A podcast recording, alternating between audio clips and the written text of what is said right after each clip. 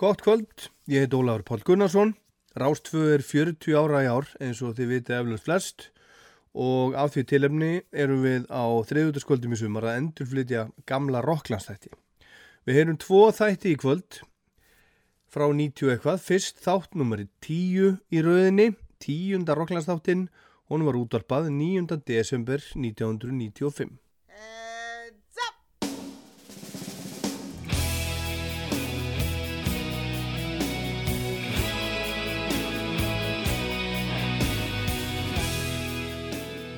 Komið í sæl og verið velkomin í Rockland. Ég heiti Ólafur Pál Gunnarsson.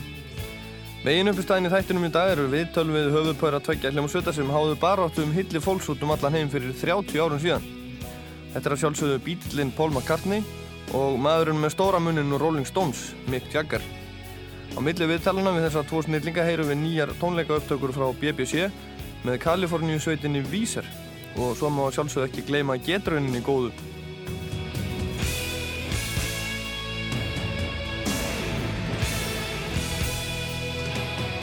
Það eru 15 ár síðan snillingurinn John Lennon lest og eins og líklega allir hafa tekið eftir var að koma út ný bítlaplata og það er að finna eitt nýtt gamall lag sem Lennon söngin á kassetu einhver tíman í byrjun 8. áratugurins, Free as a Bird og flestir hafa heyrta þegar þessi orði eru töluð. Þessi bítlaplata er svo fyrsta í rauðinu af þremur og heitir safnið Beatles Anthology eins og sjónvastáttarserían sem var sínd út um allan heim núna fyrir stötu. Fyrir árið síðan kom Paul McCartney í viðtal hjá BBC og hann var fyrst spurðaði hvort eftirlefandi bítlar myndu einhver tíman huglega tónleika saman og ný. The three of us would not want to do it. I know that. And George is on record as saying the Beatles will never be reformed as long as John Lennon's dead. you know, which is a fairly straightforward way of putting it. it. It may seem cruel to some people, but that's the truth, you know. That, okay, Julian has been suggested as a substitute, but I don't think he'd want to do it because it would perpetuate the idea that he's his dad, which is what he's trying to get away from. And as you say, it wouldn't be the Beatles, it'd be three quarters of the Beatles. Pól sagði þannig að þeir ættu aldrei eftir að koma saman þrýri til að spila um ofinbellega. Og með þessi á einni plötu Harrison segja hann að bítlanir eigi aldrei eftir að koma saman á meðan John Lennon er dauður. Pól segir að stungið hafi verið upp á því oftar en einu sinni að Julian Lennon hlaupi í skarði fyrir föður sinn. En Pilturinn sá hefur lítinn áhuga því, því það myndi eflaust festa þá hugmynd fólks í sessi um alla eilvið að hann sé eftirlíking af John og ekkert annað. Og það er hann alltaf verið að forðast og það heldur ekki vera bítlanir heldur alltaf bara þrýr fjórðu. Paul McCartney hefur aldrei sami neitt með George Harrison fyrir utan lægið Flying. That's right, and uh, kind of didn't really write that together. That that was one that it was a sort of jam, so you put everyone's name on it. it mm. we didn't actually sit down to write it. So I haven't actually ever written with George at all. So the reunion thing isn't very interesting, but we, we had years, as you might know, of business problems, so we were always bitching through the years. It literally took 20 years to solve our business things uh, since uh, late 60s till now, all till almost stuff, last year, the, all the Apple stuff.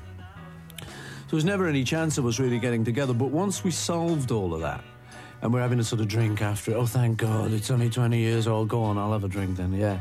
You know, the pure relief of just having it settled in in the sort of euphoria of a couple, those couple of drinks, you know, we I think we did sort of say, oh, we could write together, man, that'd be great. And it came as a nice little sort of idea, a little light bulb went, oh, it'd be good, me and George get together.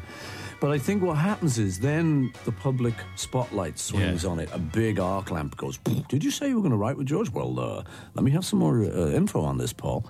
Paul segir að það sé rétt. Hann og George hafi aldrei saman eitt saman nema Flying og það lag hafi reyndar verið hálfgjört jam þannig að það skrifist á alla bílana. Það var sannsagt ekki sest niður til að semja lag. Hann segir líka að þetta endurfundatal allt saman hafi aldrei verið neitt sérstaklega aðlæðandi. Síðan bílanar hættu áttu þeir alltaf í viðskiptavandamálum innbyrðis og það hafi tekið 20 ára leys úr þeim. Allt í kringum Apple fyrirtæki sem er stopnuð eftir að Brian Epstein list. Þannig að það hafi aldrei verið neitt áhuga á samstarfi. Þegar þeir bílar voru síðan búinir að ganga frá öllum ágrinnismálum og voru að skála fyrir því og voru orðinir pínlíti gladir sagði Pól, við getum farið að semja saman ég og þú George sem virtist vera ágættu sjómynd en það sem síðan gerist er að fjölmiðlar komast í málið It's always, yeah. you see, it's always got the editor to deal with. He puts a headline on it. Yeah. And if, if, if I said, will George and I write together again? He'll just put George and I write together again. You just take the will off. I mean, it's a great trick, that. But uh, No, and the, the trouble with it is, what happens is George will get asked it at a press conference, and he'll sort of say, you know, what's it got to do with you? It's like private matter, and he'll get a bit shirty about it. Then they come back to me at the next press conference or next interview they're doing, and they say, well, we actually just asked George, and he got very shirty. I don't think he wants to write with you at all, Paul. Is there, a, you know, have we got a, can we have a Beatles rumour split here, you know? And it's obviously it's their game, it's their job, you know, is to try and dig up headlines.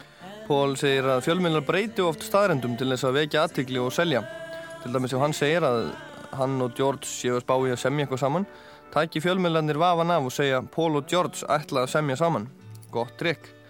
En það sem gerist er að á næsta bladamannafundir George spurður út í þetta og hann verður full og segir að þetta sé bara engamál. Síðan komaði þetta mín á, á næsta bladamannafundi og takaði mig viðtal og segja Við spurðum George út í eitthvað samstarf og hann var bara full og við höldum að hann vilji ekkert hafa neitt með því að gera. Þannig ánum málið. En þetta eru þeirra starfa að finna góðar fyrirsagnir til að selja blöðin. Þetta viðtal við Pól var tekið í fyrra og hann var spurður um þetta verkefni sem þeir bítlar voru að vinna þá og var kallað The Long and Winding Road og sum okkar sáu á einhverji sjónvastöðunni hérna um daginn og hétt fyrir rest The Beatles Anthology. There's a lot of stuff that we've had over the years, and because so many other people have said, hey, this is the complete story of the Beatles, this is the definitive thing, I've written the book. I didn't meet them, but I've written a book on them. And, you know, so many people come out with this. Is it? He was a total twerp. He was great. This fella didn't even exist. And he was, let me tell you, you know. And you get these obviously when John died, you get more and more of that because it's entering right into legend there. You know, mm. once ago, once any of us die, you're in legend. You know. Pól segir að það hefur svo margir skrifað um þá bækur sem hafa heitið Saga, Bílana og svo framvegis. Fólk hafi sagt um þá, hitt og þetta, þó þeir hafi aldrei hitt á. Og sagt, þetta er bókin sem segir allt, endanlega sagan. Svona var þetta. Síðan þegar John Doe var hann að góðsögn og þá hafi svona rösl hrúast yfir þá. Well, I mean, I've, I've, I think I've got some stuff of us in Rishikesh, which there's not an awful lot of, foot, but this is where we went to the Maharishi. So I've got us all poncing around in long robes with funny little Indian marks on us and stuff, which looks very yeah. strange now. But it, to me, it's just a great warm memory.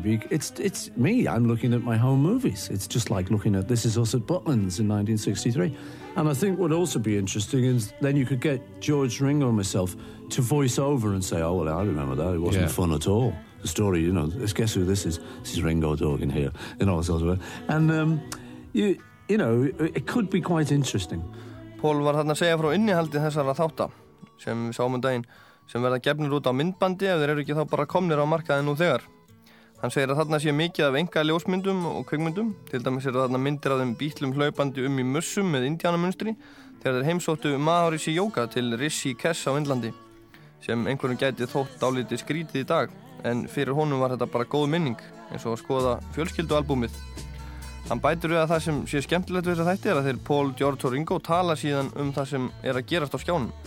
Og hann segir að þetta gæti árið skemmtilegt sem það vissulega varð og það er held ég að ég tali fyrir munn flestra sem hafa séð þessa þætti. Þeir eru eitthvað skemmtilegsta sjónvarsefni sem ég hef séð um minnstakosti lengi. Hvað finnst Paul McCartney um allt þetta ólögulega efni, bútlegg plötur sem eru á markaðanum í dag? It's very weird for us because, I mean, us, I say the royal, we meaning the Beatles, because we've got to wear two hats. If we say, yeah, I love all those bootlegs, man, somebody says, well, why won't you let us put them out? Or why won't you let us play them, you know? And the reason is because, you know, we released all those other records and these are the crummy versions, or, or so we think. And so we've got to watch what we put out. You know, that's why we were the Beatles. We only put out what we thought was excellent music, even if it far out stuff. It, it, it, we still thought it, on some level stood up. So we we're not as interested in as maybe you would be in the alternative version of Guitar Gently Weeps because we settled out of 36 takes on the one. But uh, you can you can understand why we just said, look, there's one version of Michelle. Don't drag up any others, please. Don't complicate it. Just let's have that one version. I mean, right now, I'm sure Phil Collins has got some very funny stuff when he did his last album. I certainly have. I mean, we whenever we rehearse, very dubious stuff comes out. Um, but it's not the stuff you release; it's no. the stuff you just take home and laugh at. But the I mean, I've got a great version of "Hey Jude," yeah, which is all, which is like a fast version. No, no, no, bloody well, right? It's like a very silly version, but it's like it's quite funny. Pól segist eiga í dálitum erfileikum með þetta bútlegmál í sambandi við bílana.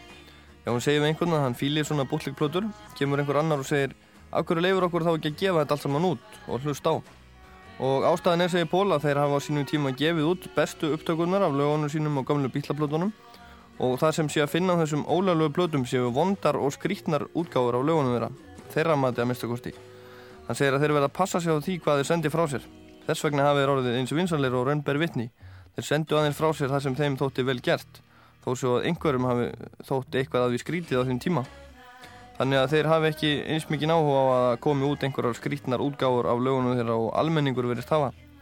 Hann segir að til dæmis hafi þeir valið útgáðuna af lagi Harrisons While My Guitar Gently Weeps úr 36 tökum. Þannig að ímislegt lítur að vera til.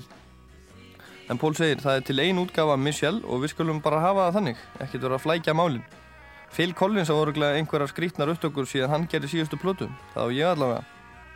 Alltaf þegar við æfum verður til eitthvað skrítið en það er ekki efni sem maður gefur út á plötu heldur tekur bara með þér heim og hlærðað, segir Paul McCartney. Hann bæti við að hann eigi hraða og skrítna útgáfu af Hey Jude heima hjá sér sem sé mjög astnalega en mjög fyndin.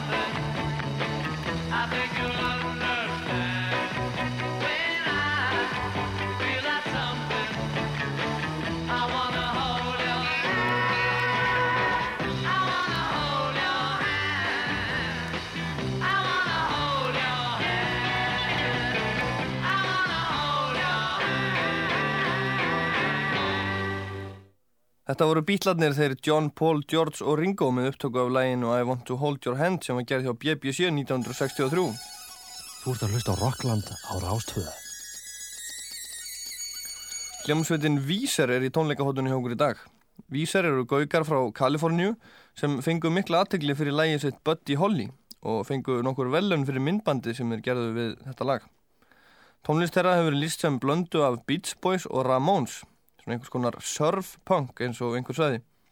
Þeir sem skipa sveitin eru Rivers Kumo sem syngur og spilar á gítar og semur líka flest lögsveitarinnar, Matt Sharp, bassi og söngur, Brian Bell, gítar og söngur og Patrick Wilson lemur húðunar. Sveitinu var stopnuð í Los Angeles í februar 1992 og byrjuð þeir fyrirlin á því að spila í klúpum þar í borg. Þeir hafa sendt frá sig eina blödu sem heitir Emmett Víser. Piltanir voru stattir í Englandum daginn og hljóðréttuðu nokkuð lög hjá BBC og byrjuðu þessu. Það heitir Surf Vox America.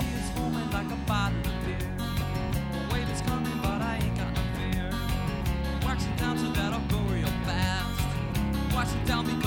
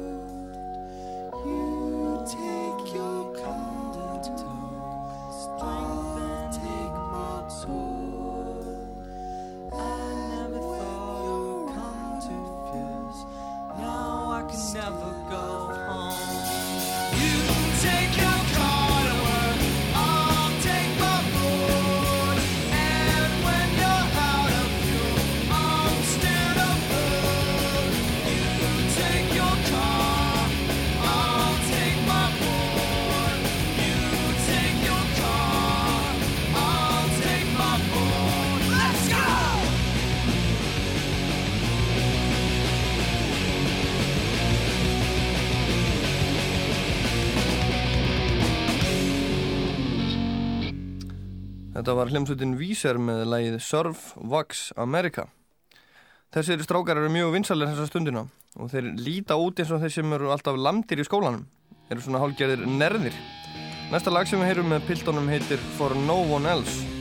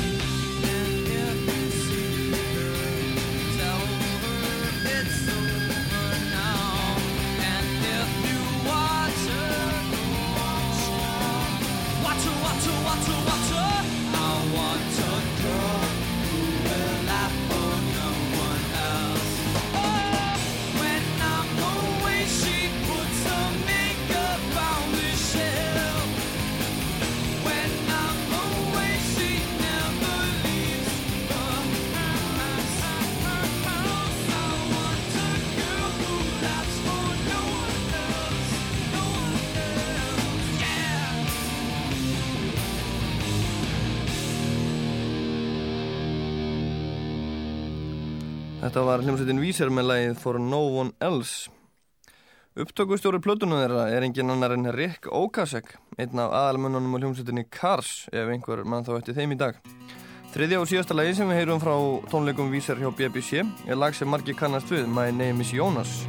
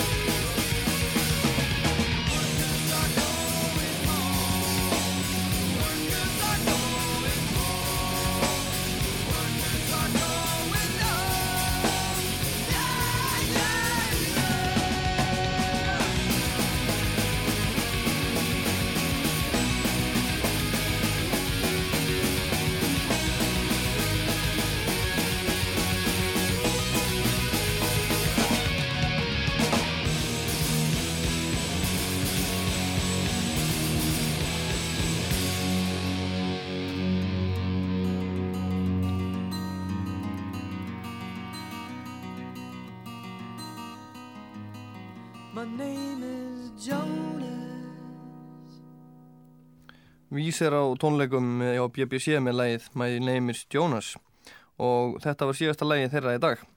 Í næsta þætti verður hljómsveitin Marion í tónleikahóttunni hjá okkur.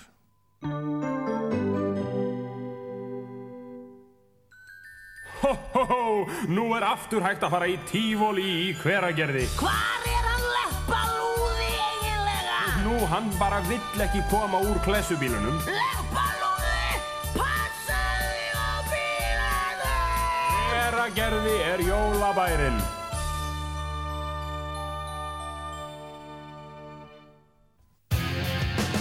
Þú ert að hlusta á Rockland á Rástvöðu. Gamlu kallanir í Rolling Stones voru að senda frá sér enn eina plötuna fyrir svona rúmu mánuði. Hún heitir Stripped. Innihaldið eru æfingar og upptökur frá tónleikum í litlum tónleikahúsum vísuðar um heiminn. Þar á meðal Tókíó, Lissabon, París og Amsterdam. Lögin á plötunni eru flest ef ekki öll í nýjum búningi, eru óramagnuð og spiluðu mestmægnis á kassagítara og skiptir þá engu hvort um ræðir gamla smelli eftir Jagger og Richards eða eldri bluesstandarda sem þeir leikum mikið á sjönda áratögnum þegar þeir voru á plötusamningi hjá Decca. Gefum nú manninu með stóra munnin orðið, Mick Jagger, hann ætlar að segja okkur frá Taylor plötunar.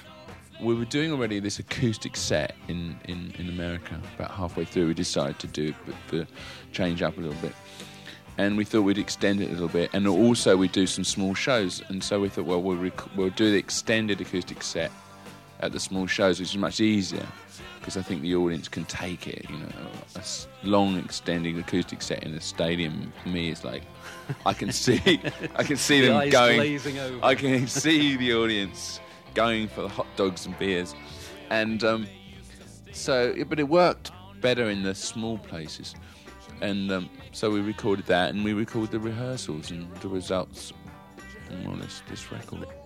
Mick segir að þeir hafi verið á miðri tónleikaferðum bandaríkjun og verið með nokkur óramögnu lög á prógraminu. Þeir hafa ákveðið að lengja þessa kassagítardarskrá og spila í nokkurum litlum húsum í stað íþróttavallana. Hann segir líka að það sé munu auðveldra að spila svona kassagítarprogram í litlum húsum en á leikungunum.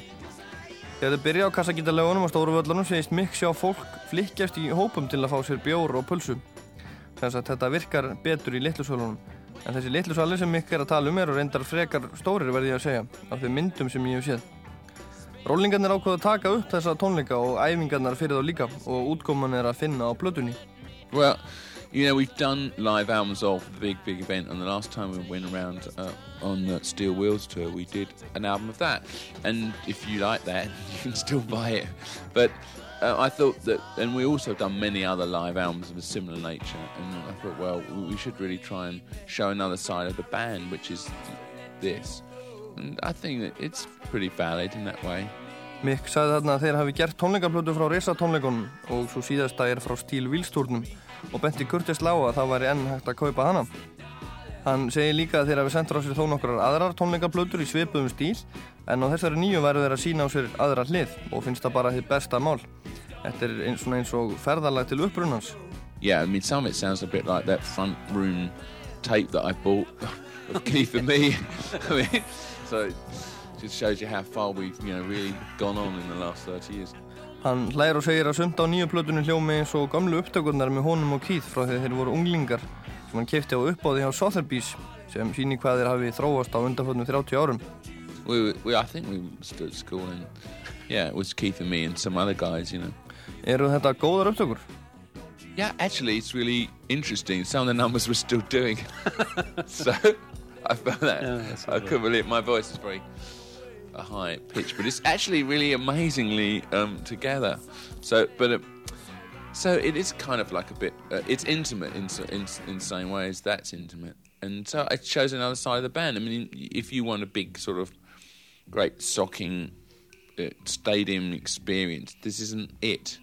But um, but but um, this is something slightly different. Mick segir að þessar upptökur séu bara ansi góðar og skemmtilegar. Sömu lögin sem þeir spila þar eru Stones ennþá með á prógraminu en röddin hafi verið dálítið hærri þarna enn í dag. Hann segir að upptakarnir séu einlegar alveg eins og nýja platan og sínu á þeim nýja hlið. En ef þú vilt bara stemningu frá reysastórum íþróttaleikvöngum í græjunar heima hjá þér, þá er þetta ekki rétta platan fyrir þig. Hvort veitir Mick meiri ánægju að ná miklu sambandi við áhörvendur á litlum stöðum eða spila fyrir 90.000 brjálaða stónsara á risa íþróttaleikvangi þar sem samband milli hans og fólksins getur varlega verið mikið. Well, that I'm communicating really well with all the 90,000 people, and if you find that hard to believe, I say, oh, okay, well, I like to think I'm really communicating with the smaller, uh, the, the audience at the front. I think I'm doing that job the same thing as I'm doing with the people in the club in a way, except in the club gigs and um, you, you, you- do really feel a very different um, sensation. I mean, the people can, can hold your whatever they want to do, hold your leg in one case for a whole number, and you feel, well, yeah, okay. Um, and you really are much closer, and you do hear all their um, talk and one-liners and Mick eh, segist nú vilja halda að hann nái sambandi við alla þessa 90.000 eða allavega þá sem eru fremst.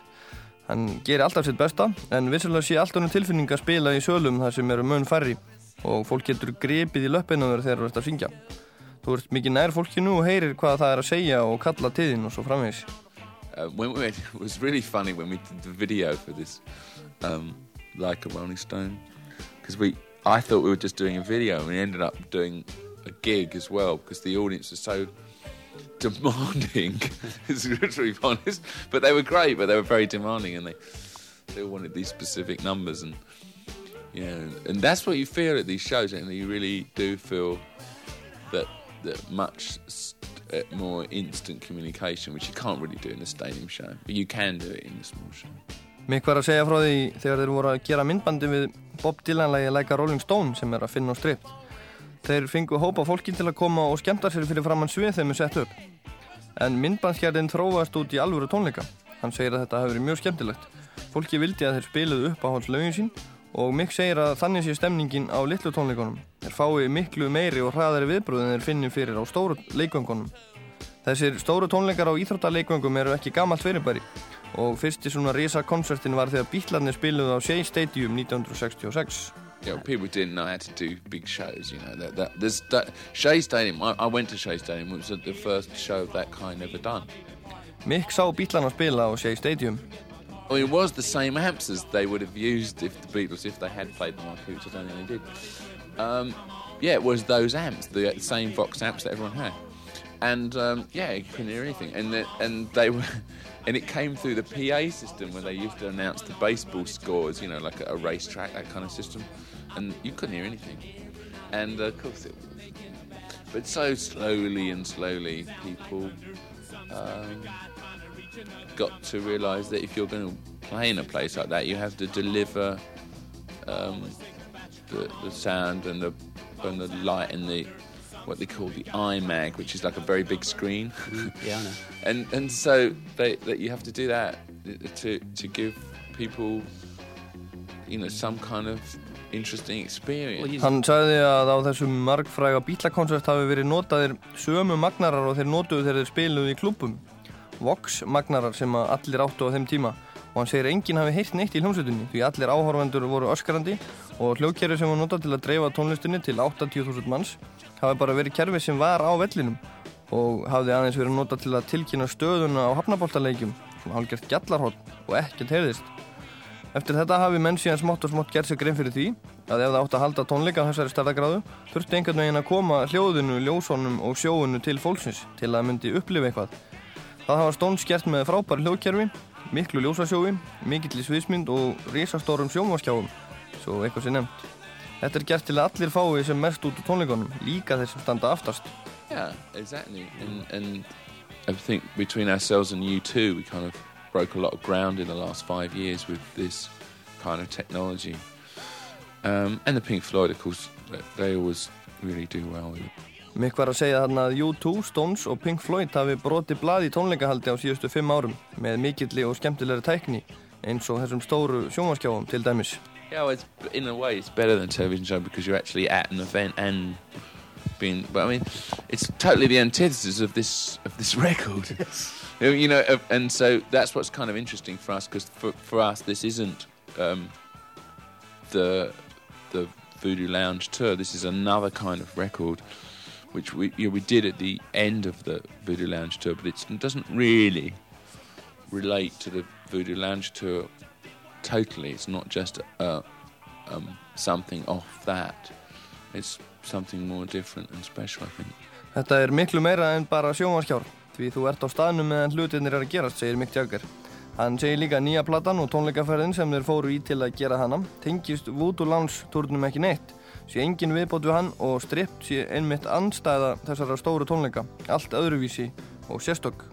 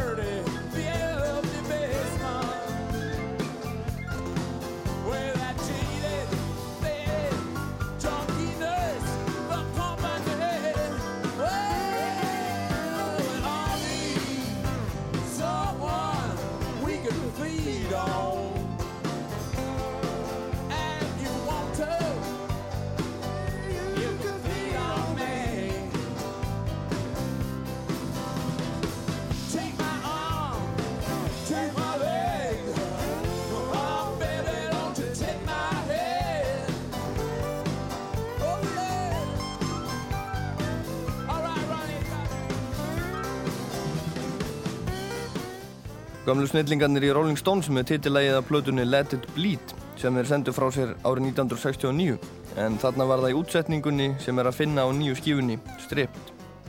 Lagavæli á nýju plötunni er dálítið einkennilegt, geti einhverju fundist og mörg þeirra hafa þeir ekki spilað í mörg ár. I tried to make it out that so that none of these songs have ever been out in um, uh, any kind of live or uh, uh, version before. Þeir reyndu að velja lög sem eru hverki til í tónleika útgáfum á plötum. Þannig er að lög eins og til dæmis Spider and the Fly af plötunni December's Children frá 65 og I'm Free af Out of Our Heads sem var einnig gefin út 65.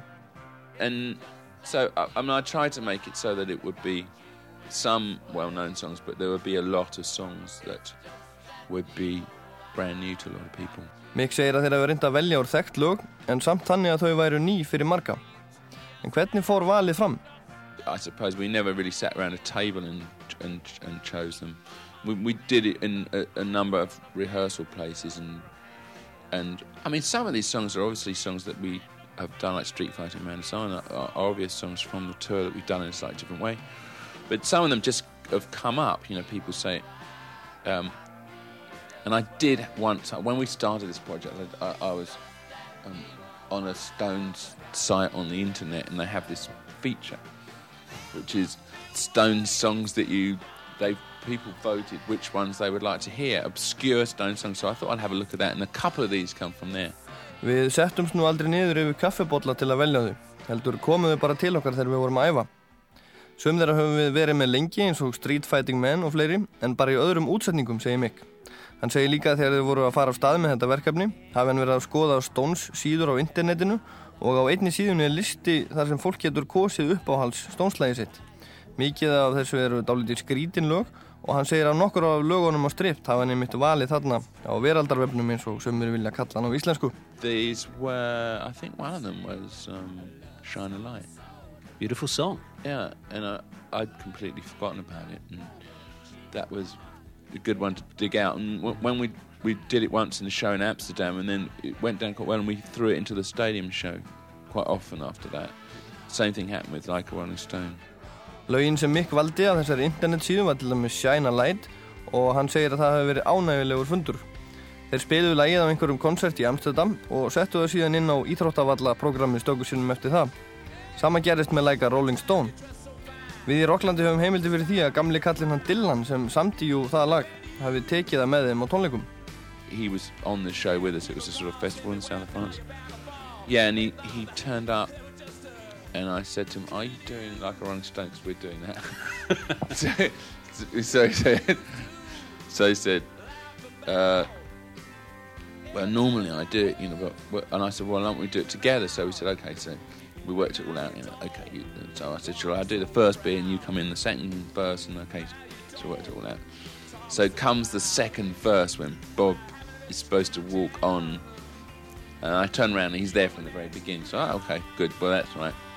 So comes the second verse, and there's a, quite a long build up before, and he's still back, and I'm singing the chorus, and he's still back there, and I think he's never gonna make it for the second verse. and he walks up, walks up to the microphone, and he's just there, right on the beat. I think that's really brilliant. Well done and nothing happens. The verse starts, but he doesn't sing. so, so he start, what he does is he starts adjusting the microphone. Mick sagði þarna að þeir í Stones og Dylan hafa verið að spila á sama festivalinu í söðu Fraklandi.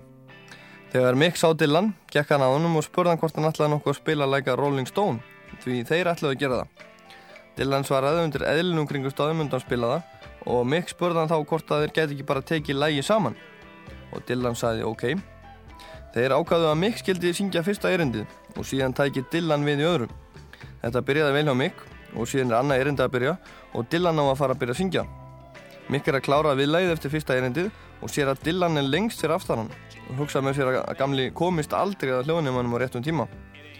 Nú tekur Dylan sér til og er komin á réttan stað á hárréttum tíma í læginu og Mick hugsa sem svo Þetta gæti ekki verið betra, frábært. Annað erindið byrjar, en hvað gerist? Ekki neitt. Í stað þess að syngja í mikrofónum fyrir Dylan að laga hann eitthvað til. Já, þetta eru snillingar. Á stript er ný útgáfa af gamla læginu Not Fade Away sem þeir settu á plötu fyrst 1964. It's a slightly different version of it, which we were messing around with. And we've done it a lot of times on stage, and we just did it differently in the rehearsals.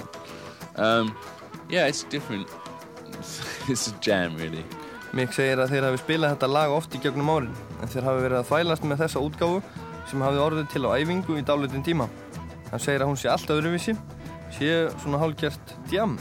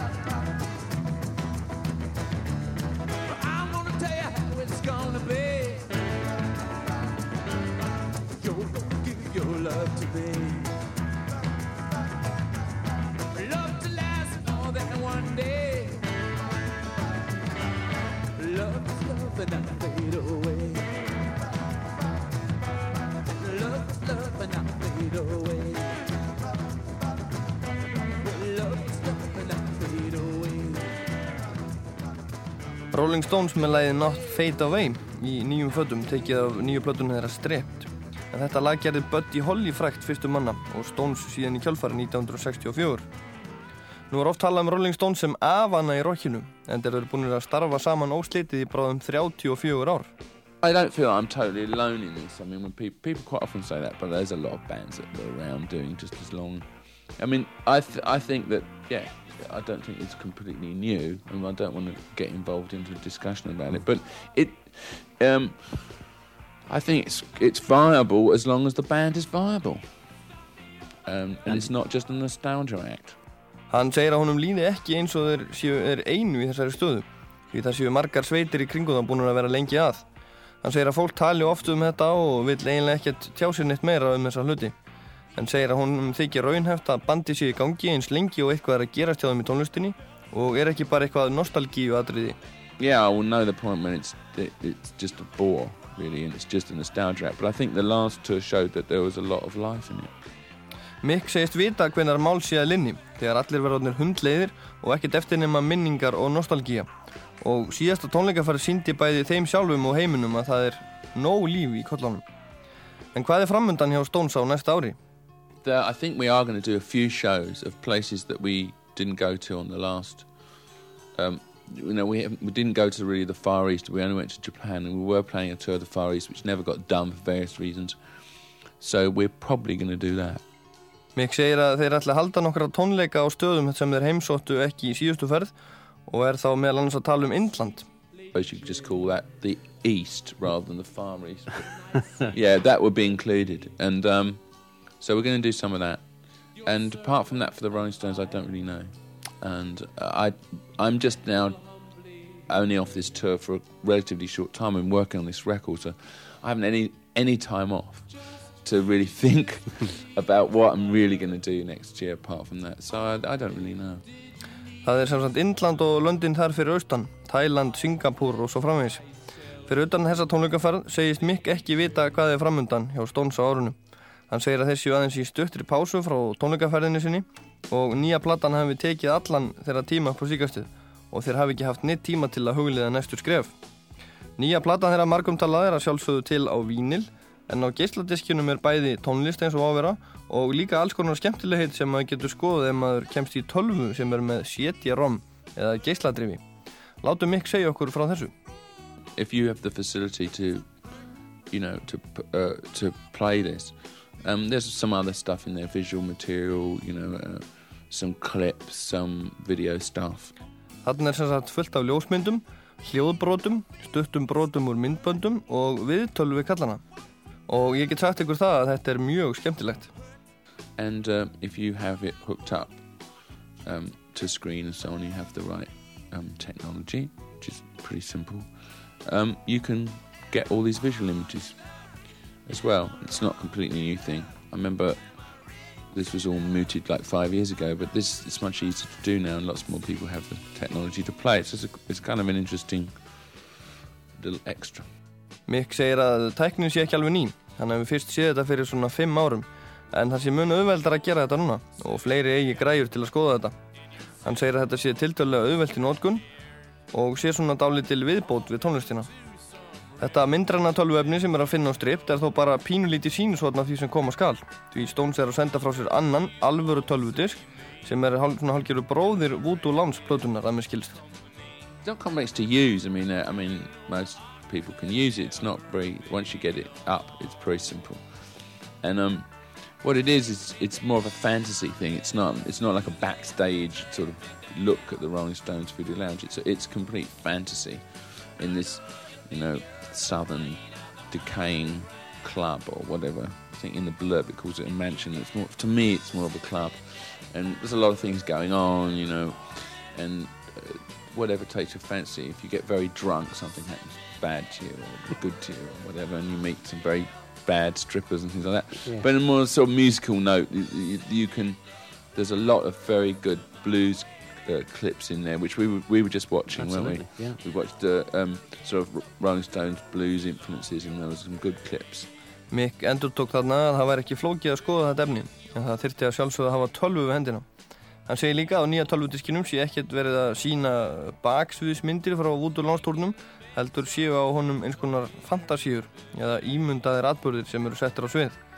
Sem sagt ekki bara heimildamindir heldur líka eitthvað leikið og ég held að það efni geti verið svolítið speysað. It's, it's fun. It's got a game aspect and a kind of fun, serious. It's got some serious aspects. And it's got a lot of footage. And it's got it's got live stuff from the Rolling Stones on stage. That if you can use a certain game level, if you get to a certain point, you can see that. Þetta er skemmtilegt, eins og leikur, miklar upplýsingar og tónleikamindir með Stones segir Mick Jagger um tölvudiskin sem þeir félagarnir fjórir eru að setja á markaðin þessa dagana.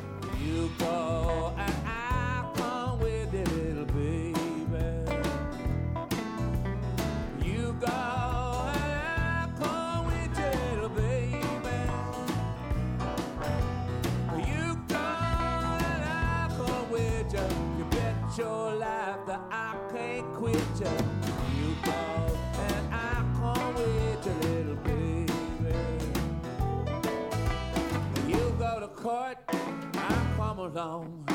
You go to jail, I go your bone. You get time, I tell you what I do.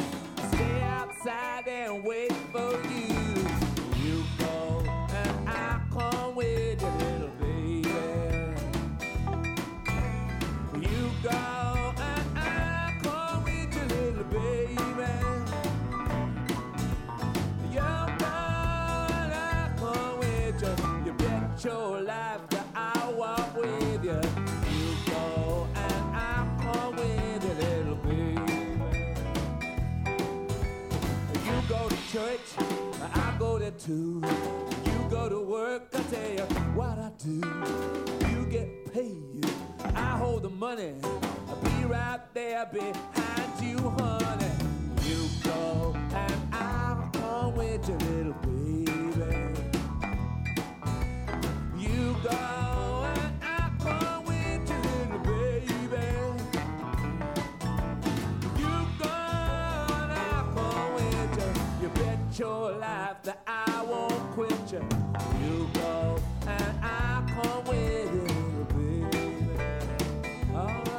Fjórmenningarnir í Rolling Stones með gammalt lag eftir blueshundin Willie Dixon. Það heitir Little Baby og er að finna á tónleikaplötunni Stripped sem var að koma út í síðasta mánuði. Þú ert að hlusta á Rockland á Rástvö.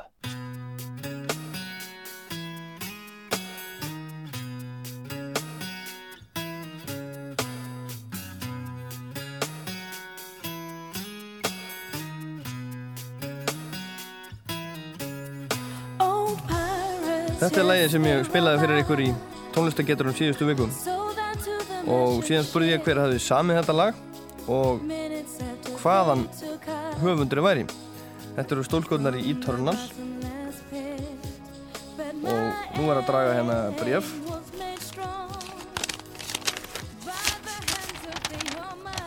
Hérna stendur, lagið heitir Redemption Song samið og flutt af Bob Marley sem er frá Jamaica. Það er reyndar ekki flutt á Jamaica annað, heldur Eternal.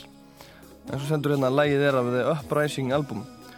Og sá sem sendur þetta bref heitir Magnús Þór Bjarnarsson og á heima á fjárðarstræti fjögur, 400 Ísafjörði. Og hann fær senda uh, plötu síðustu viku á Rárstvö sem er nýja platan frá Queen og já, hann fær hann bara að senda inn á nokkura daga.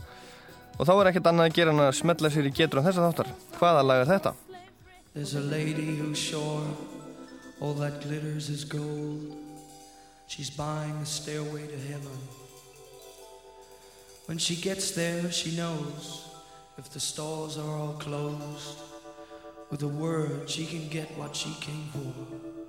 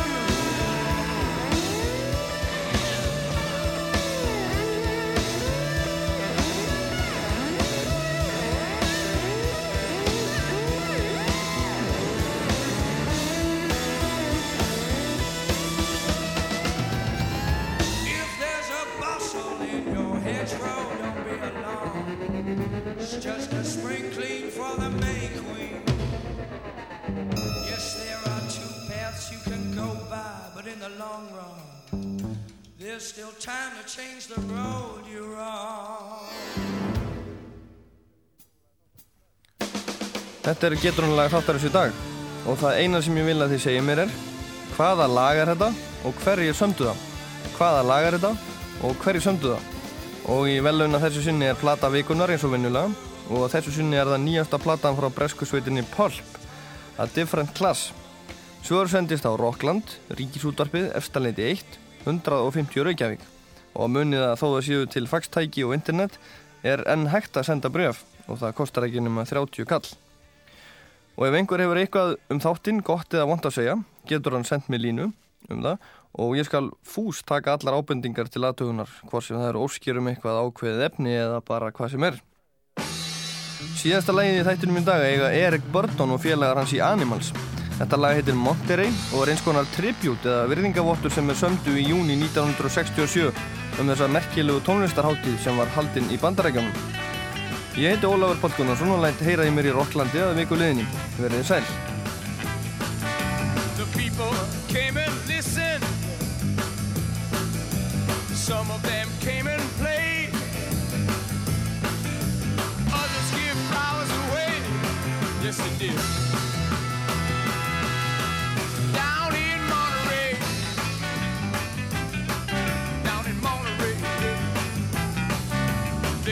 God smiled upon the crowd. Their music being born of love.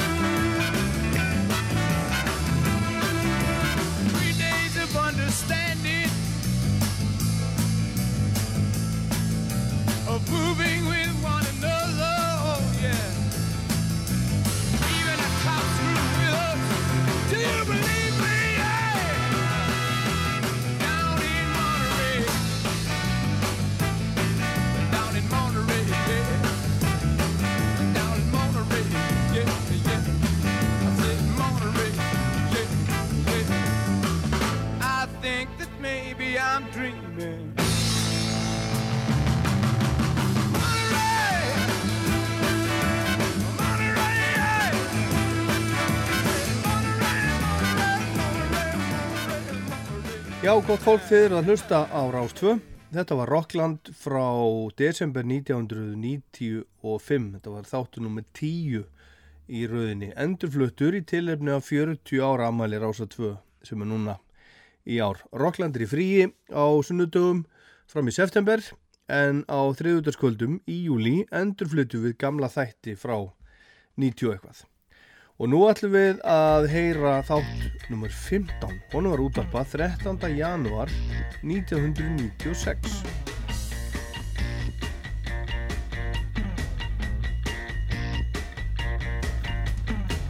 Komið sæl og verið velkomin í Rockland á nýjum tíma en þátturinn mun verða á þessum tíma framvegis í vetur.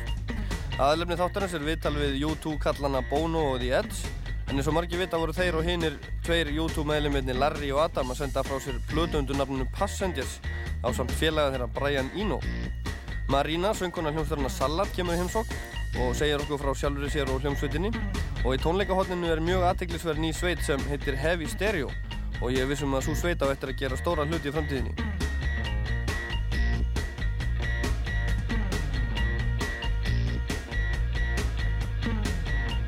Árið 1976 stopnuðu nokkrir 15 og 16 ára gamlu skóladrengir hljómsveit í Dublin á Írlandi. Hljómsveitina kölluðu þeir Feedback og þessi piltar voru þeir Paul Hewson sem söng, gítarleikarinn er David Evans og Dick Evans, bassarleikarinn Adam Clayton og trommarinn Larry Mullen yngri. Þessi hljómsveit Feedback spilaði mestmögnings lög eftir Beatlana og Rolling Stones á ymsum minni skólaskemmtunum en þeir gerðu það ekkert sérstaklega vel því þeir þóttu ekki góðir hljófarleikarar. 77 breyttuði nafninni í The Hype og Dick Evans hætti í bandinu og stopnaði aðra sveit, The Virgin Prunes. Þannig að þá voru hinnir fjórir eftir. Og árið setna ákveða þeir að kalla sveitina U2. Þetta ár 1978 fór söngvarinn Paul Hewson að kalla sig Bono eftir að hafa séð þetta nafn í auglýsingu í Billboard og gítarleikarin David Evans kallaði sig The Edge sem þýðir einfallega brún eða barmur. Eftir að hafa spilað á nokkrum börum og klubbum í Dublin 1978 unnu þeir hæfileika keppni sem var haldinn af bjórframleðendunum Guinness. Velunum voru 500 pund og áhernaprófi hjá CBS á, á Írlandi sem leiti til blödusamnings. 1979 átti U2 orðið stóran aðdáandahóp á Írlandi og þeir sendu frá sér þryggjalaga EP-plödu sem heitir, held ég, U2 deilt með þremur eða einhvern veginn þannig og innihjalt hún lög sem heita Out of Control, Stories og Boy Girl. Þessi plata var aðeins gefin út á Írlandi og fór á toppinn þar í landi. 1980 kom U2 fyrst fram á Englandi og fengu þeir frekar dræmar viðtökur.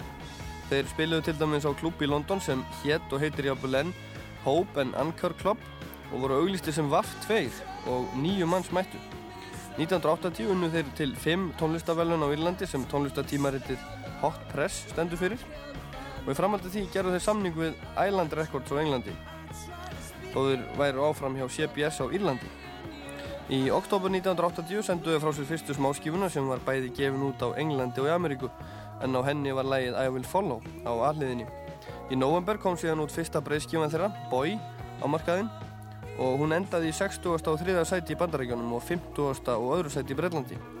Það er ómulegt að fara að reykja sögu þessarar stórsveitar roxis undanfarina 15-20 ára í smáadröðum í svona klukkutíma þætti en síðan 1980 hafa þeir verið óskaplega duglegir að spila út um allan heim og vægast sagt breytt tónleikahaldi rockljónsvita með allskins teknibrellum og skrítnum uppáttækjum. Breiðskífur U2 til þessa eru nýju en nýlega var að koma markaðin plata sem verður að teljast tíunda platan þeirra.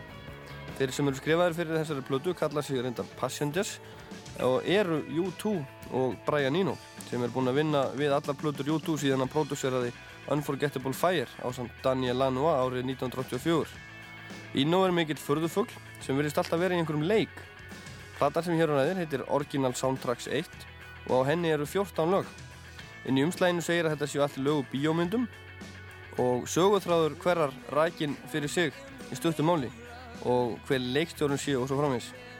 Einu lögin sem hafa verið notuð í einhvers konar kveikmyndir eru Miss Sarajevo úr samnefndri heimildamind en í því syngur óperumestarinn Luciano Pavarotti með þeim og lagið Your Blue Room sem var notað í kveikmyndu Wim Wenders Beyond the Clouds. Hinn 12 hafa semst aldrei verið notuð í kveikmyndum og Eno er bara að plata okkur en hann verður að telja staðal hugmyndasmiðurinn á bakvið þetta Passengers verkefni. Eno hefur verið mikill stuðnismæður Warchild, góðgera samtakana sem gaf meðal út plötuna Help fyrir jólin og þessi plata, Original Soundtracks 1 er einmitt gefin út til styrtar þessara samtaka Platan er dálítið sundurlaus við fyrstu lustun en á köflu minnir hún á það besta sem U2 hefur sendt frá sér. Og á ég þá sérstaklega við lögin Miss Sarajevo og Your Blue Room. Eins og ég sagði áðan er lagið Miss Sarajevo titillagu samnundri heimildamind sem var gerð af þeim passjöndismönnum U2 og Brian Eno. Og Bono og Eds ætla að segja okkur aðeins frá þessari mynd og lífinu í fyrrum Jugosláfiu eins og það kom þeim fyrir sjónir. We we produced a documentary about the the kind of underground life of Sarajevo. And um, the life of the youth culture and the sort of everyday surrealists that the Sarajevans have become. You know, just just to kind of get on with their day, they've developed this really black sense of humor. Like, you know, the, the Sarajevans tell jokes about themselves. Like, what's the difference between Auschwitz and Sarajevo? Well, you know, in Auschwitz they had gas.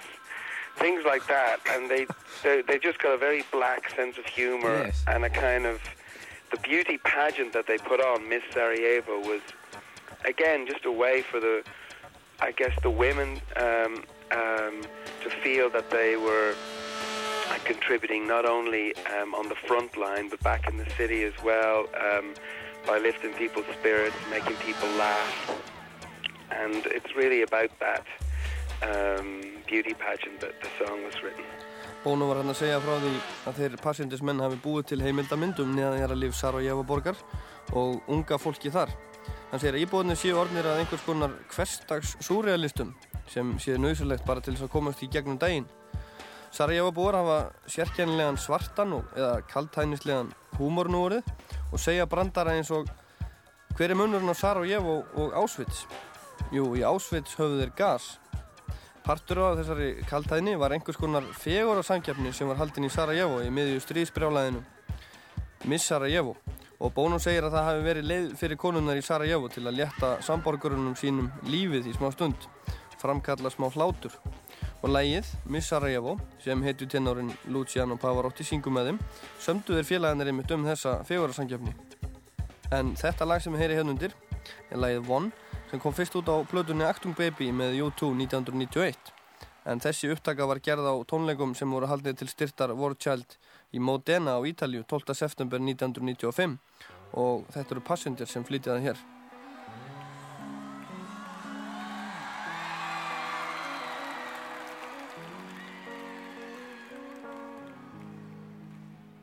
Is it getting better? Or do you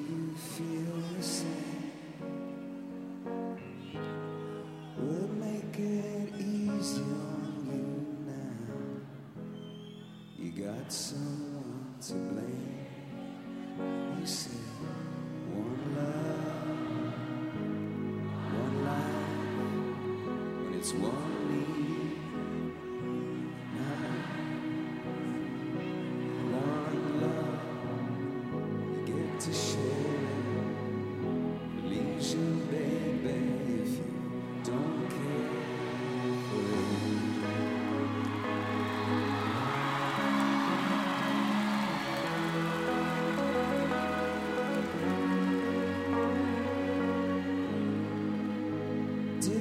Did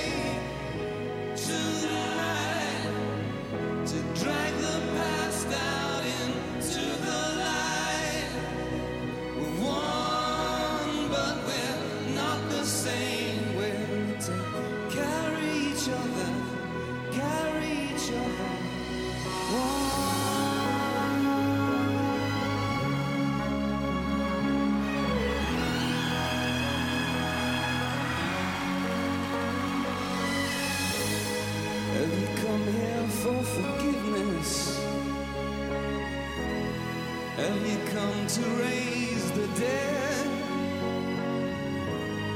Have you come here to play Jesus to the lepers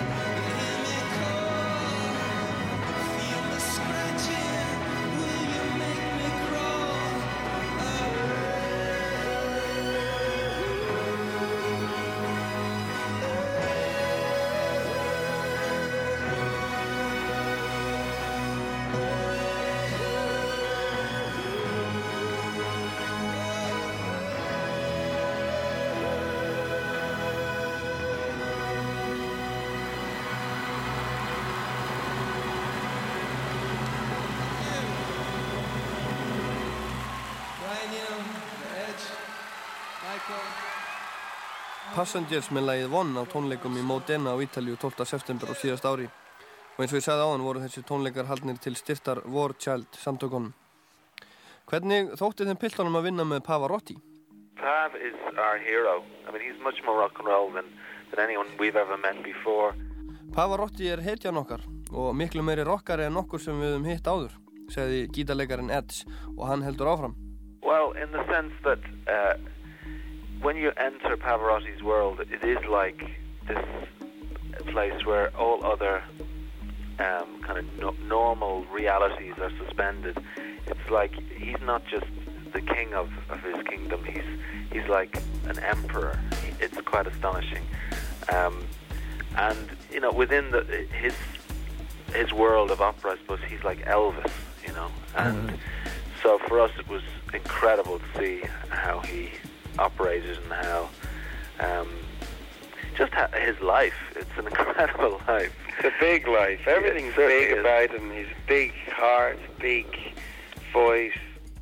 Þegar þú kemur inn í veröld Pavarottis verður allt hálf óraunverulegt, segir Edge.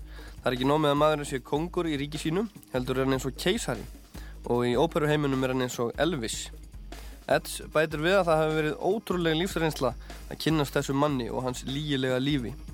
Bono tók svo á hann um orðið og sagði að allt við þennan mann væri risa stórt. Stórt líf, stór maður, stór rödd og stórt hjarta. Nú syngur Pavarotti sinn text á ítölsku, en hvað er hann að syngja? The lyric is, you say, um, like a river finds its way back to the sea, you'll find your way back to me. You say that love will find a way, but love, I'm not a praying man. And in love, I can't believe anymore. And for love, I can't wait anymore. And uh, I guess that's kind of the feeling um, of the people in Sarajevo when they just felt the world was just ignoring them and and, and um, they were always told that any minute help would come, but help never came. And um, I think, I mean, I, I wouldn't dare sing that, but um, but with with Luciano um, singing it, it makes it makes it actually makes more sense in Italian, I think, than it would in English because it, you just feel what, what he has to say. Bono var þarna að útskýra hvað það er sem Ítalinn stóri syngur í Miss Sarajevo og er einhvern veginn á þessa leið í minni þýðingu. Þú segir eins og áinn finnur sinn gamla farveg, ratir þú aftur til mín. Þú segir ástinn finni hjörtun á ný. Ég er ekki maður sem leggst á bæn, ég trú ekki lengur á ástina og get ekki beðið eftir henni lengur. Bono segir einhvern veginn svona hafi fólkinu í Sarajevo liðið meðan bardagarnir stóðu yfir. Fólkinu var sagt að hjálpin kæmi á hverju stundu, en enginn kom. Bono segir líka hann hef ekki vóðað sér að syngja hennan texta sjálfur á ennsku og hann virkir líka einhvern veginn betur á ítalskunni og þó að fólk skilji ekki orðin gera það ekki til því það skinjar hvað hann er að syngja Uh, Bono syngur á einu staði í læginu Is there a time for East 17 en East 17 er nafn á breskri popljónsveit er hann að vitna í þessa? Well, yeah, actually, it was just because in Sarajevo they have this uh, shelter there, which is really just a big disco, and at night they turn up the music, you know, deafening levels to drown out the sound of the shelling. And uh, because all their nerves are shattered, and when they hear a shell fall, it could be their house, it could be their loved ones, and so they have the music on very loud, and they they play our music there. They play Massive Attack, are very popular there, um, and uh, one of the most popular pop groups are E17. So I just you know. Also, it happened to rhyme with Beauty Queen. Oh, does that as well? Take that, unfortunately, doesn't. Ed sjáta því að Bono sé að syngja um hljómsveitina East 17 og ástæðin er svo að í einu af neðanjarðabyrgjónum í Sarajevo er stort diskotek sem er opið alla nætur og músík spiluð þar á hæsta styrk svo að fólk heyri ekki í sprengjuregninu fyrir utan á meðan og geti glimt sér í smá stund. Hann segir að taugakerfi fólksins í allt í mólum og þegar þau heyra sprengju falla, hugsa allir, þessi geti hafa lent á mínu húsi. Þannig að tónlistinni spilu mjög hátt og einn vinsalasta hljómsveitin hjá ungu fólki í Sarajevo er einmitt East 17 og þess vegna komi þetta hljómsveitarnafn fyrir í textanum. Bono skýtur er nýða fyrir tilviljun rýmiða líka við Beauty Queen en Take That til dæmis rýmar ekki við Beauty Queen. Lægið margum talaða, Miss Sarajevo, er komið út á smáskífu og heyrst hefur að þeir ætla að senda frá sér lægið Your Blue Room á smáskífu líka. We wanted kind of a quiet release for this record um, because we got a big, loud rock and roll record coming, and we, we just wanted to put this out, and and if people were excited by it, that they you know they would sort of discover it, and then the single Miss Sarajevo seemed natural, and and we put that out, and now people are getting very excited about it, and and I don't know if we'll release a second single, but if if we were, it would certainly be that song. Bono sagði að þeir hafa viljað hafa frekar hljótt um þessa Passengers plötu og vilja sjá hvort fólk tæki eftir henni og hefði áhuga á henni. Því þeir séu með stóra og háværa rockplötu í smíðum sem kemur út síðar á þessu ári. Hann segir að þeim hafi þótt eðlilegt að gefa Miss Sarajevo út á smáskífu og það hafi fallið í góðan jarðveg fólks. Hann segist ekki vita hvort önnur smáskífa kemur út en ef af því verður, verður það þetta lag, Your Blue Room, sem verður fyrir valinu. It's time to go again to your blue room. Got some questions to ask of you in your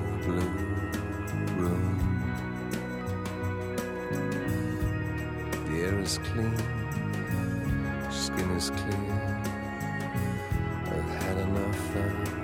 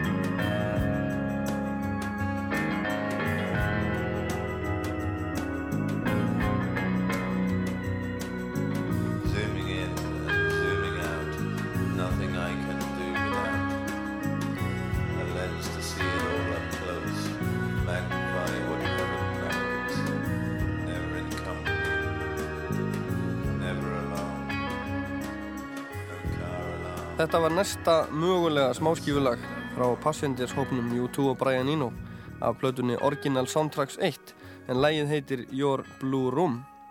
Eins og ég sagði hérna framann, megum við eiga von á breyðskífu frá U2 setna á þessu ári og upptökur er í fullum gangi. We have Howie B um, over at the moment. We asked him over for a week to do some vibing with us. Extraordinary And DJ. It involves basically um, getting like heavily into some mad sounds and, and seeing what comes out of it. And uh, Also prayer and fasting. and, uh, you know, just taking your shoes off before you come into the studio. We all bow in front of Howie B.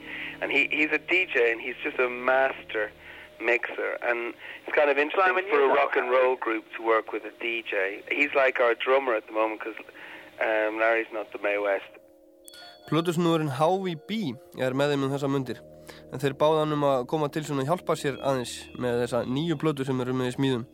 Hans hlutverk er aðalega skilst mér að finna og búa til ný sound og Ed segir að hann sé algjört séni þessi maður. Þeir fari allir úr skónum og hnegi sig fyrir honum þegar þeir er komin í stúdióið.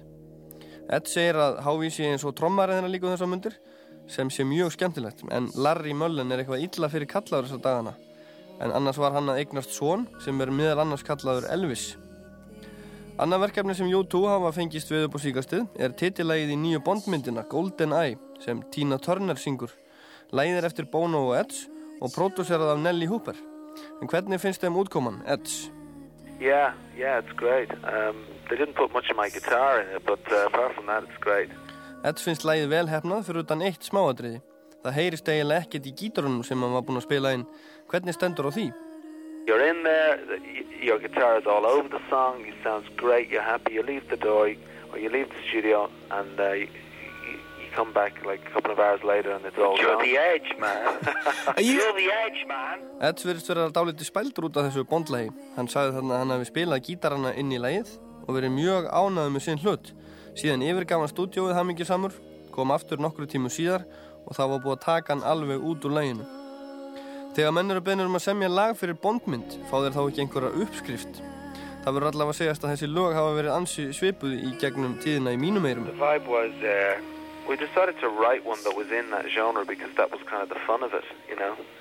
It was it was at the end of the project that we Nelly Hooper, who produced, turned around to us and he said, "Look, we've done it. It's like this is a James Bond song. It's not a it's not one of your songs. It's not one of my things. This is James Bond." And that's really, I suppose, why we did it was because we're we're kind of into that genre. Into the what what those um, theme songs are about, and we thought we could do one. Edge segir að þeir hafi strax ákveðið að láta þetta lag, GoldenEye, falla inn í þennan hefðbundna Bond-ramma, svona upp á grínið. Þegar lægið var tilbúið, saði pródúsentin Nelly Hooper, þetta lag er ekki eitt af ykkar lögum og þetta er ekki eitt af mínu lögum. Þetta er James Bond lag. Edge segir að þeir hafi einmitt vonað að útkoman yrði eins og hún varð og með það að liða í ljósi tóku þeir að sér að semja þetta lag. Eru Bono og Edge búin að sjá myndina? Uh, no, we've seen we've seen a trailer. We've seen some highlights, but we haven't actually seen it Actually, yet. as long as the first three minutes are great, we're happy. But Tina Turner is the other reason we did this because uh, an opportunity to work with her voice, um, which has got to be one of the most extraordinary voices ever. And uh, you know that was that was part of it. And another reason was that Chris Blackwell, um, who um, owns Island Records, he has a house in Jamaica called Goldeneye, and that's where all the the where Ian Fleming wrote all the James Bond books. And when myself and Ali, that's my wife Ali, were, were broke years ago, and we got uh, married, he gave us this house for three weeks as a pre- wedding present. And uh, we went out there, and I and, and, and it kind of blew our mind. And it's always been back a few times since, and it has a very str- I have very strong feelings about that place and that house. And so we really couldn't let anyone else write a theme song called Golden Golden Eye. Ed svarar fyrstur og segir að þeir hafi bara séð úr myndinni, séð auglýsingu og svoleiðis. Bono segir að það nægið þeim að fyrstu þrjára mínúturnar séu í lægi, eða meðan lægi þeirra er í gangi. Hann segir líka að einn stór ástæða fyrir því að þeir tóku að sér að semja þetta lag hafi verið að fá að vinna með Tínu Turner. en rödd hennar sé einhver svo allra óvenjulegasta allra tíma. Önnur ástæða segir Bono var að eigandi æland hljómblötu fyrirtækjusins Chris Blackwell á hús á Jamaica sem heitir Golden Eye en þar skrifaði Ian Fleming allar sögurnar um James Bond og þegar Bono og konan hans sem heitir Ali giftu sig fyrir nokkrum árum voru þau eitthvað blöng, segir hann. Ég á nú reyndar erist með að trúa því. Gaf Chris þessi þeim þryggja vegna dvöl í húsinu í Brúkáskjöf Bono segir að dvölinn þarna hafi verið æðisleg og þau hafi komið þarna nokkur sunnu síðan og hann segist vera orðin tilfinningarlega tengdur þessum stað og húsi. Og hafi ekki getað hugsað sér að einhver annar en hann semdi lag sem heitir eftir húsinu Golden Eye. En þetta sem við heyrum nú er lagið Miss Sarajevo þar sem Passengers hópurinn skartar óperutröllinu Luciano Pavarotti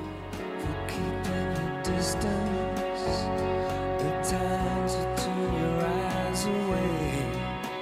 Is there a time for keeping your head down?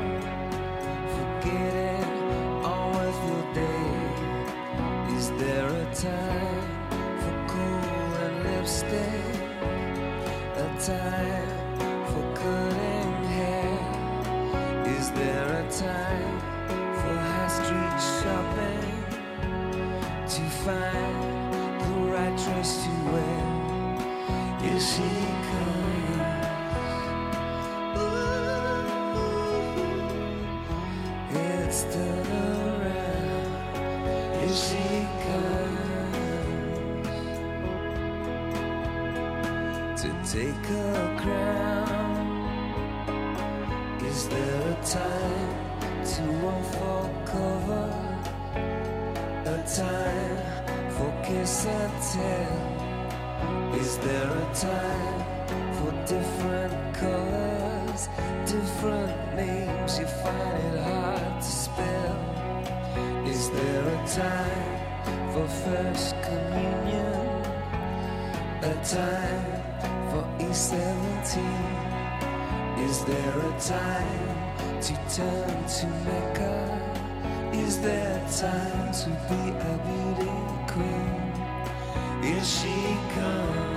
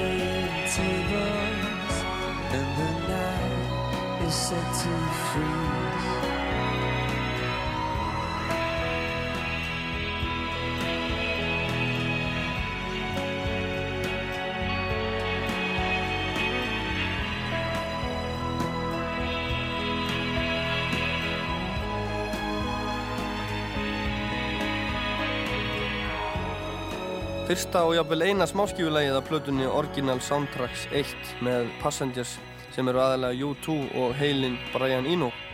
Ágóðin á sölu þessara plötu rennur eins og ég segði á hann til styrtar góðkjærar samtakana Warchild en það eru samtök sem láta sér andum saklus fornarlamb stríðsins í fyrrum Júgoslavíu. Þú ert að hlusta á Rockland á Rástvö. Breska hljómsveitin Heavy Stereo er í tónleikahotnin í dag. Ég veit því miður ekki mikið um þessa sveit en hún kuð vera ansi heit í Breitland í dag. Við heyrum þrjú lög með þeim sem voru hljóðrituð af BBC og þetta er það fyrsta, Planet Empty.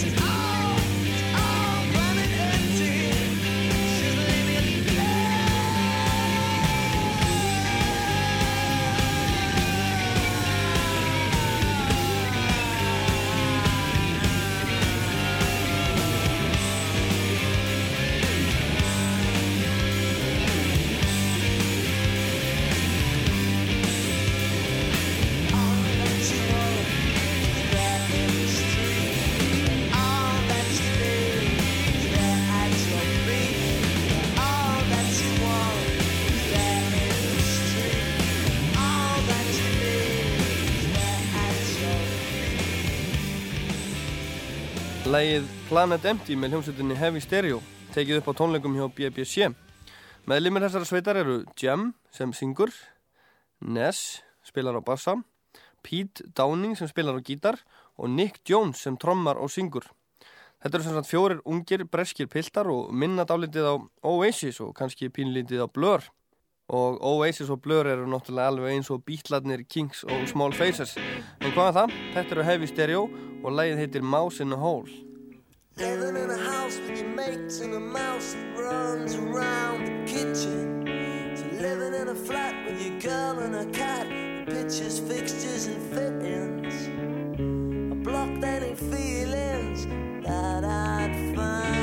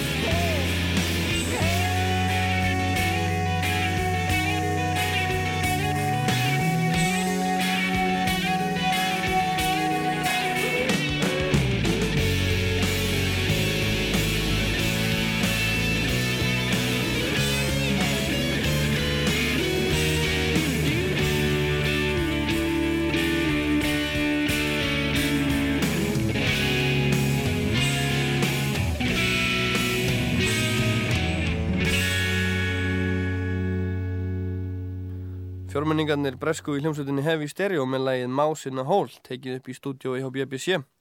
Þriðja og síðasta lagið sem við heyrum með Heavy Stereo í dag er lagið Shooting Star og þetta lag verður örgulega að finna á fyrstu breyðskjöfu þeirra sem er væntarlega á markað setna á þessu ári.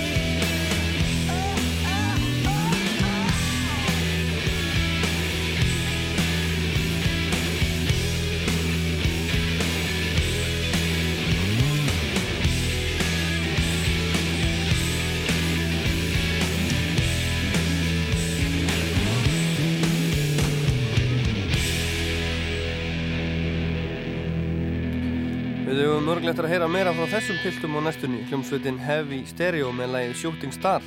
En þessi þrjú lög sem við höfum heyrt með þeim í þættunum í dag voru tekin upp í stúdiói BBC núna fyrir stöttu. Og eins og ég sagði áðan er fyrsta platan þeirra vantarlega á markaðinn setna á þessu ári. Rockland á Rástföra. Hljómsveitin Salat er einn af þessum nýju evrósku hljómsveitum í indie rock geiranum. Fremst í flokki Salat sem var stopnum 1993 er fegurðadísin hollenska Marina en margir Íslandingar hafa örgulega séð hana í hlutverki kynnis hjá MTV. Félagar Marinu í Salat eru allir breskir og heita Paul, Robert og Peter. Nýlega kom að markaðin fyrsta breyðskífa Salat sem heitir Drink Me og í tilumna því er Marina komin hingað til Rocklands og ætlar að segja okkur dálítið frá sjálfur sér og hljómsveitinni sinni. Hi, I'm Marina from Salad. I guess we were kind of disappointed that singles didn't get quite into the top 40. Motorbike to Heaven got to number 42. I think the reason being is because we are quite different um, and we're not like retro uh, uh, like all the other bands that are around at the moment. Um, But we were very surprised that with the lack of top 40 hit, even though it was just on the outs- just on the outside, we had a number 16 album, which without a top 40 single is really quite rare. And so we're not disappointed in that aspect, but the next single we very much like it to be top 20. there you go. High hopes. You've got to aim high in this business, you know, otherwise you just simply can't get through it. Marina var að segja frá því að hún og piltandir hennar í bandinu hafi verið dálítið vonsvikin vegna þess að smáskífunar sem þau sendu frá sér áður en að stóra platan kom út komust ekki inn á topp 40 í Breitlandi. Motorbike to Heaven fór hæst en það endaði í 40. á öðru sæti. Hún segir ástæðinu líklega að vera þá að þau leiki framsækna tónlist en séu ekkert að gramsa í gömlu drastli eins og allir eru að gera um þessa mundir. Þó svo smáskifunum þeirra hafi ekki komist inn á topp 40 fór stóra platan þeirra Drink Me í 16. seti breska breyskifulistans og Marinu þykir þetta misræmi dálítið skrítið en er að sjálfsögðu mjög ánað. Hún segir að til þess að komast áfram í þessum erfiða tónlistarheimi þurfum að setja markið hátt og vonar að næsta smáskifa fari allavega inn á topp 20. The next single we're going to release is not going to be from Drink Me. We've got 14 new songs and we're currently bashing them about. I don't know if we'll be working with Terry Hall in the future. Um, we like to, and he'd like to, but we're both very, very busy. Producer wise, we haven't decided yet what producer we're going to use. Um, we're sifting through some tapes and records at the moment. Næsta smáskifa frá Salat verður ekki af breyðskifunni Drink Me, segir Marina. Þau eiga 14 nýlög sem þau eru að djöblast í þessa dagana og hún segir að hún veit ekki hvaða pródusent þau ætla að fá með sér á næstu plötu en upp á síkastu hafa þau verið að hlusta á ymsar plötur og kassettur til að reyna að finna rétta sándið. Um, it was quite hard trying to get over some of the prejudices that people have had against me having had another career, so to speak. Although this being in the music business, being in a band is not a career move for me. I've always been in a band, even before I was presenting for MTV. But there are a few handfuls of people who, um, who, without listening to the music, just thought, "Well, this can't be any good because she's a bimbo." As she she was on TV, how could she possibly do anything else? So that's just very short, very narrow-minded. But that uh, seems to be going now. That prejudice and. Uh, it also has helped in some countries, you know. The curiosity value is very high.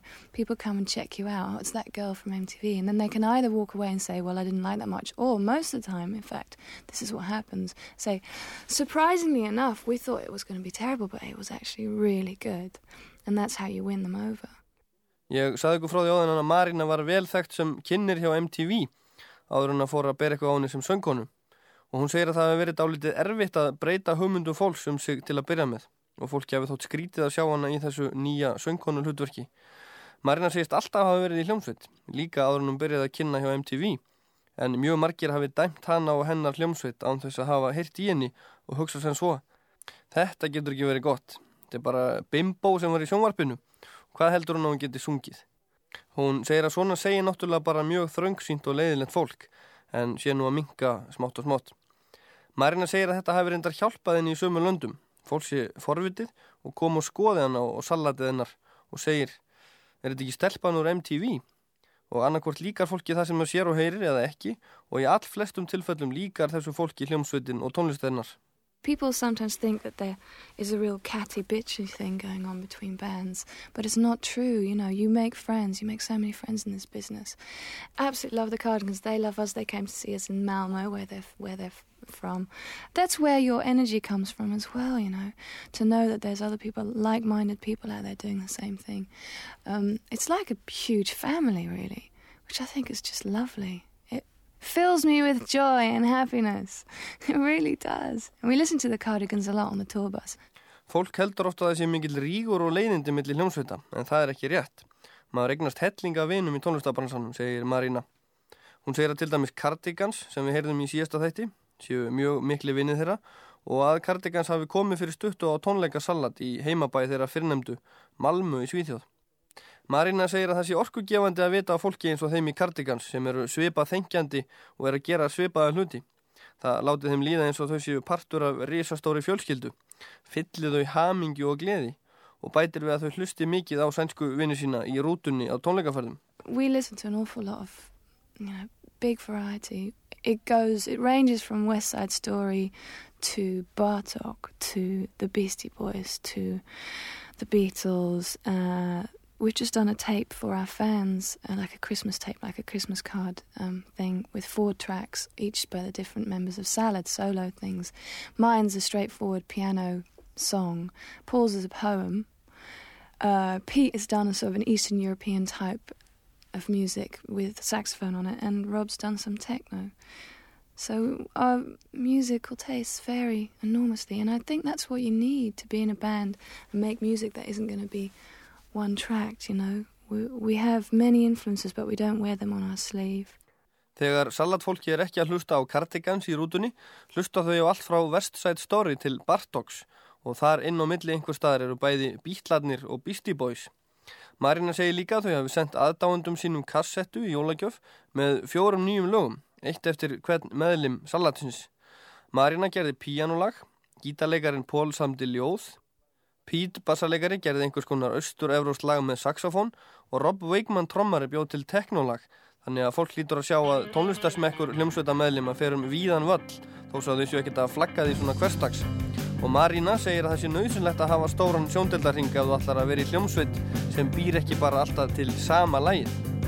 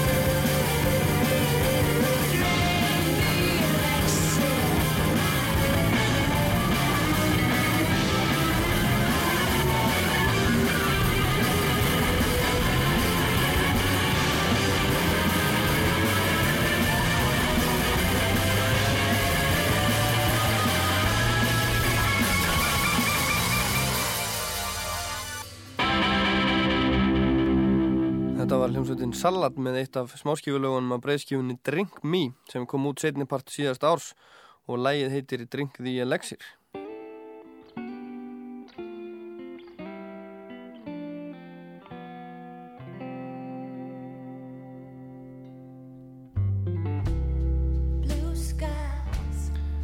Þetta er getruna lægið sem var í síðustu vikum og ég baði ykkur um að segja mér hvað lægið hétti hver höfundurinn væri og hver var að syngja. Þá er ég að draga bref Lægið sem var leikið í geturunum 7. januar var Blue Skies eftir Tom Waits. Og það var Ellen Kristjánsdóttir sem söngða með kombóinu.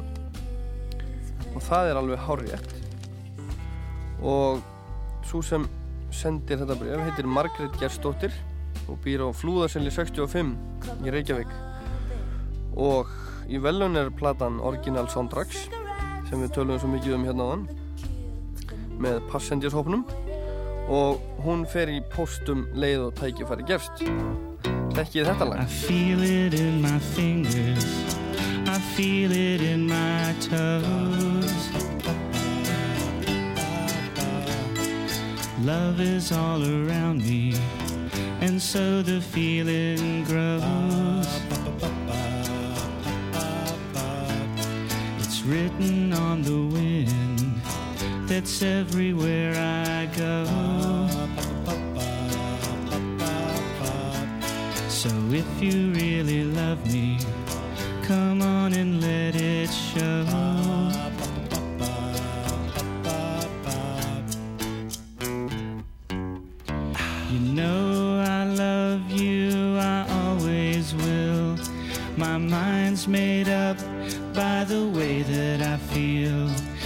No beginning, there'll be no end. Cause on my love, you can depend. I see your face before me as I lay on my bed. I kinda get to thinking of all the things we said. Gave your promise to me, and I gave mine to you. I need someone beside me in everything I do.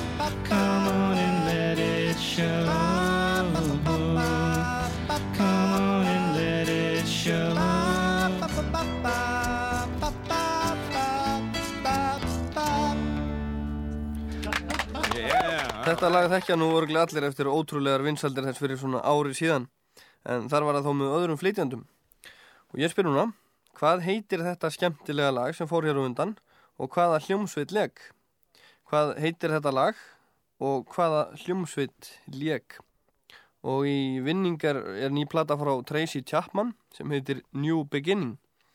Svörin að sendast á Rockland, Ríkisútarpið Efstaleiti 1, 150 Reykjavík og þeir sem hafa aðganga faxtæki geta sendt með fax og númerið er 515 3678 Þú ert að hlusta á Rockland á Rástvöðu.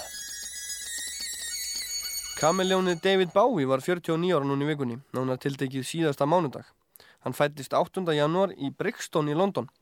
8 ára gammal saðan öllum sem heyra vildu að hann ætlaði að verða stærsta popstjarnar Bredlands eftir að pappan spilaði fyrir hann plötu með Little Richard. Honum var gefin saxofón og hann lærði á hann hjá manniða nafni Ronny Ross en Bowie fekk síðar þennan Ronny til að spila í læginu Walk on the Wild Side hjá Lou Reed 1973. Bowie gekk í teknimentarskólan í Bromley og þar skemmtist annað auga hans í slagsmálum við bekkjafélaga. Hann hætti í skólanum og fór að spila með ymsum hljómsveitum. Þessar sveitir héttu The Conrads, The King Bees, The Manis Boys, David Jones and the Bus og David Jones and the Lower Third en þarna hétt Bowie enn sínu rétta nafni, David Jones en breytti því David Bowie 1966 til aðgreiningar frá David Jones í Monkeys. Þrjár þessara sveita sendu frá sér smáskífur og á einni þeirra spilaði ungur efnilegu sessjóngítalegari, Jimmy Page á nafni. Plötuna sem hafa komið út að sem Bowie er í aðalhutverki er orðnar 35, þar að segja ef ég hef talið rétt. Svo síðasta kom út á síðast ári og heitir Outside og er bara ansi góð. Auk þess að vera poppari hefur hann einni leikið í þó nokkrum kvikmyndum. Og í tilefni af Ammali Bávís ætla ég nú að spila upptöku á læginu Gene Gene sem var gerð fyrir sjónvarsþáttinn Top of the Pops 1973. Poor Jean Jean snuck into the city, strung out her lasers, slashed back blazers. She ate all the razors while pulling the waiters, talking about Monroe walking on Snow White. New York's a no-go and everything tastes nice.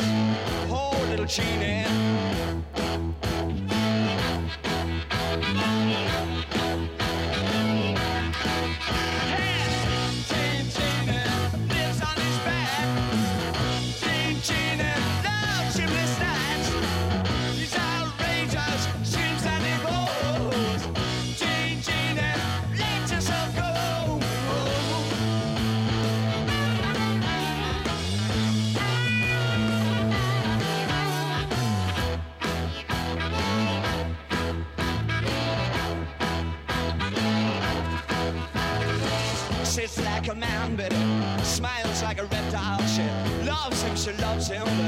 just for a short while. He sits on the sand, she won't let go his hand. Well, he says he's a beautician, sells you nutrition, keeps all your dead hair for making up underwear. Poor little Jeannie.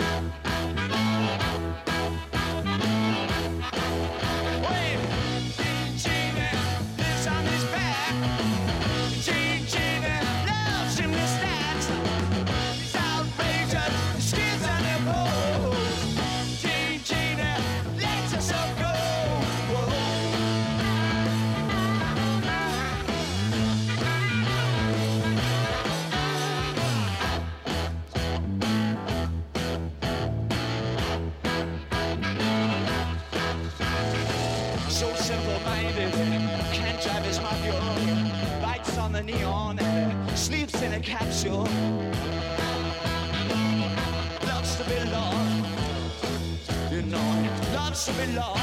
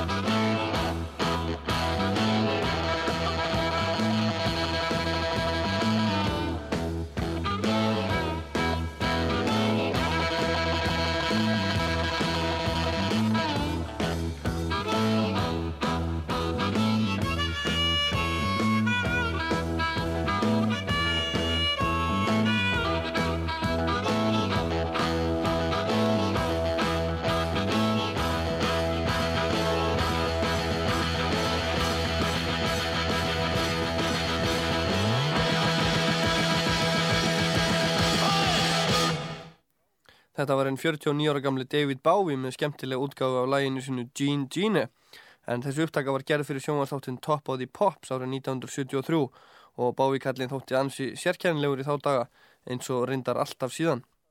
Ég ætla að enda þennan þátt í dag með breyta sem á 35 ára afmæli í dag. Hann heitir Graham McPherson, kallaði sig Suggs og var aðalsöngvari hljómsveiturinnar Madness. Madness var stopnuð í London árið 1978 og þannig svo fólk sé alveg búið að gleyma þeim þó þeir hafi komið um það byrj 25 löguminn á topp 20 áður en að sveitin var lögðið niður eftir 10 ára samstarf 1986. Madness var skemmtileg hljómsveit og tónlistin þeirra var eins konar ska sem er ættu frá Jamaica og var mjög vinsal danstónlist þar á sjönda áratögnum áður en að reggið kom á fullum krafti með mönnum eins og Bob Marley.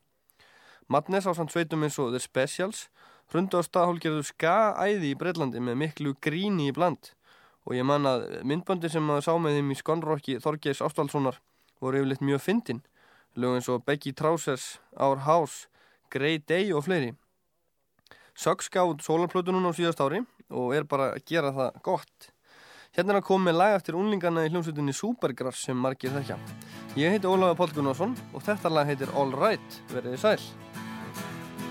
We are young, we're not green. Keep our teeth nice and clean. See our friends, see the sights, feel alright. We wake up, we go out, smoke a fag, put it out. See our friends, see the sights, feel alright. Are we like you? I can't be sure of the scene as she turns. We are strange in our hearts, but we are young.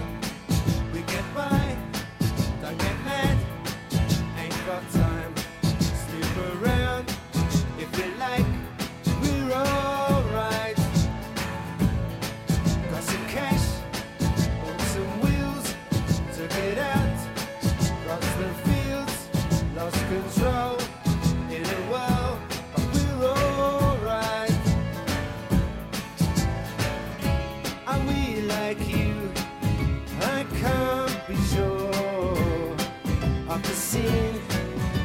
Turns. We are strange in our hearts, but we are young. We're not green. Keep our teeth nice and clean. We see our friends, see the sights, feel alright.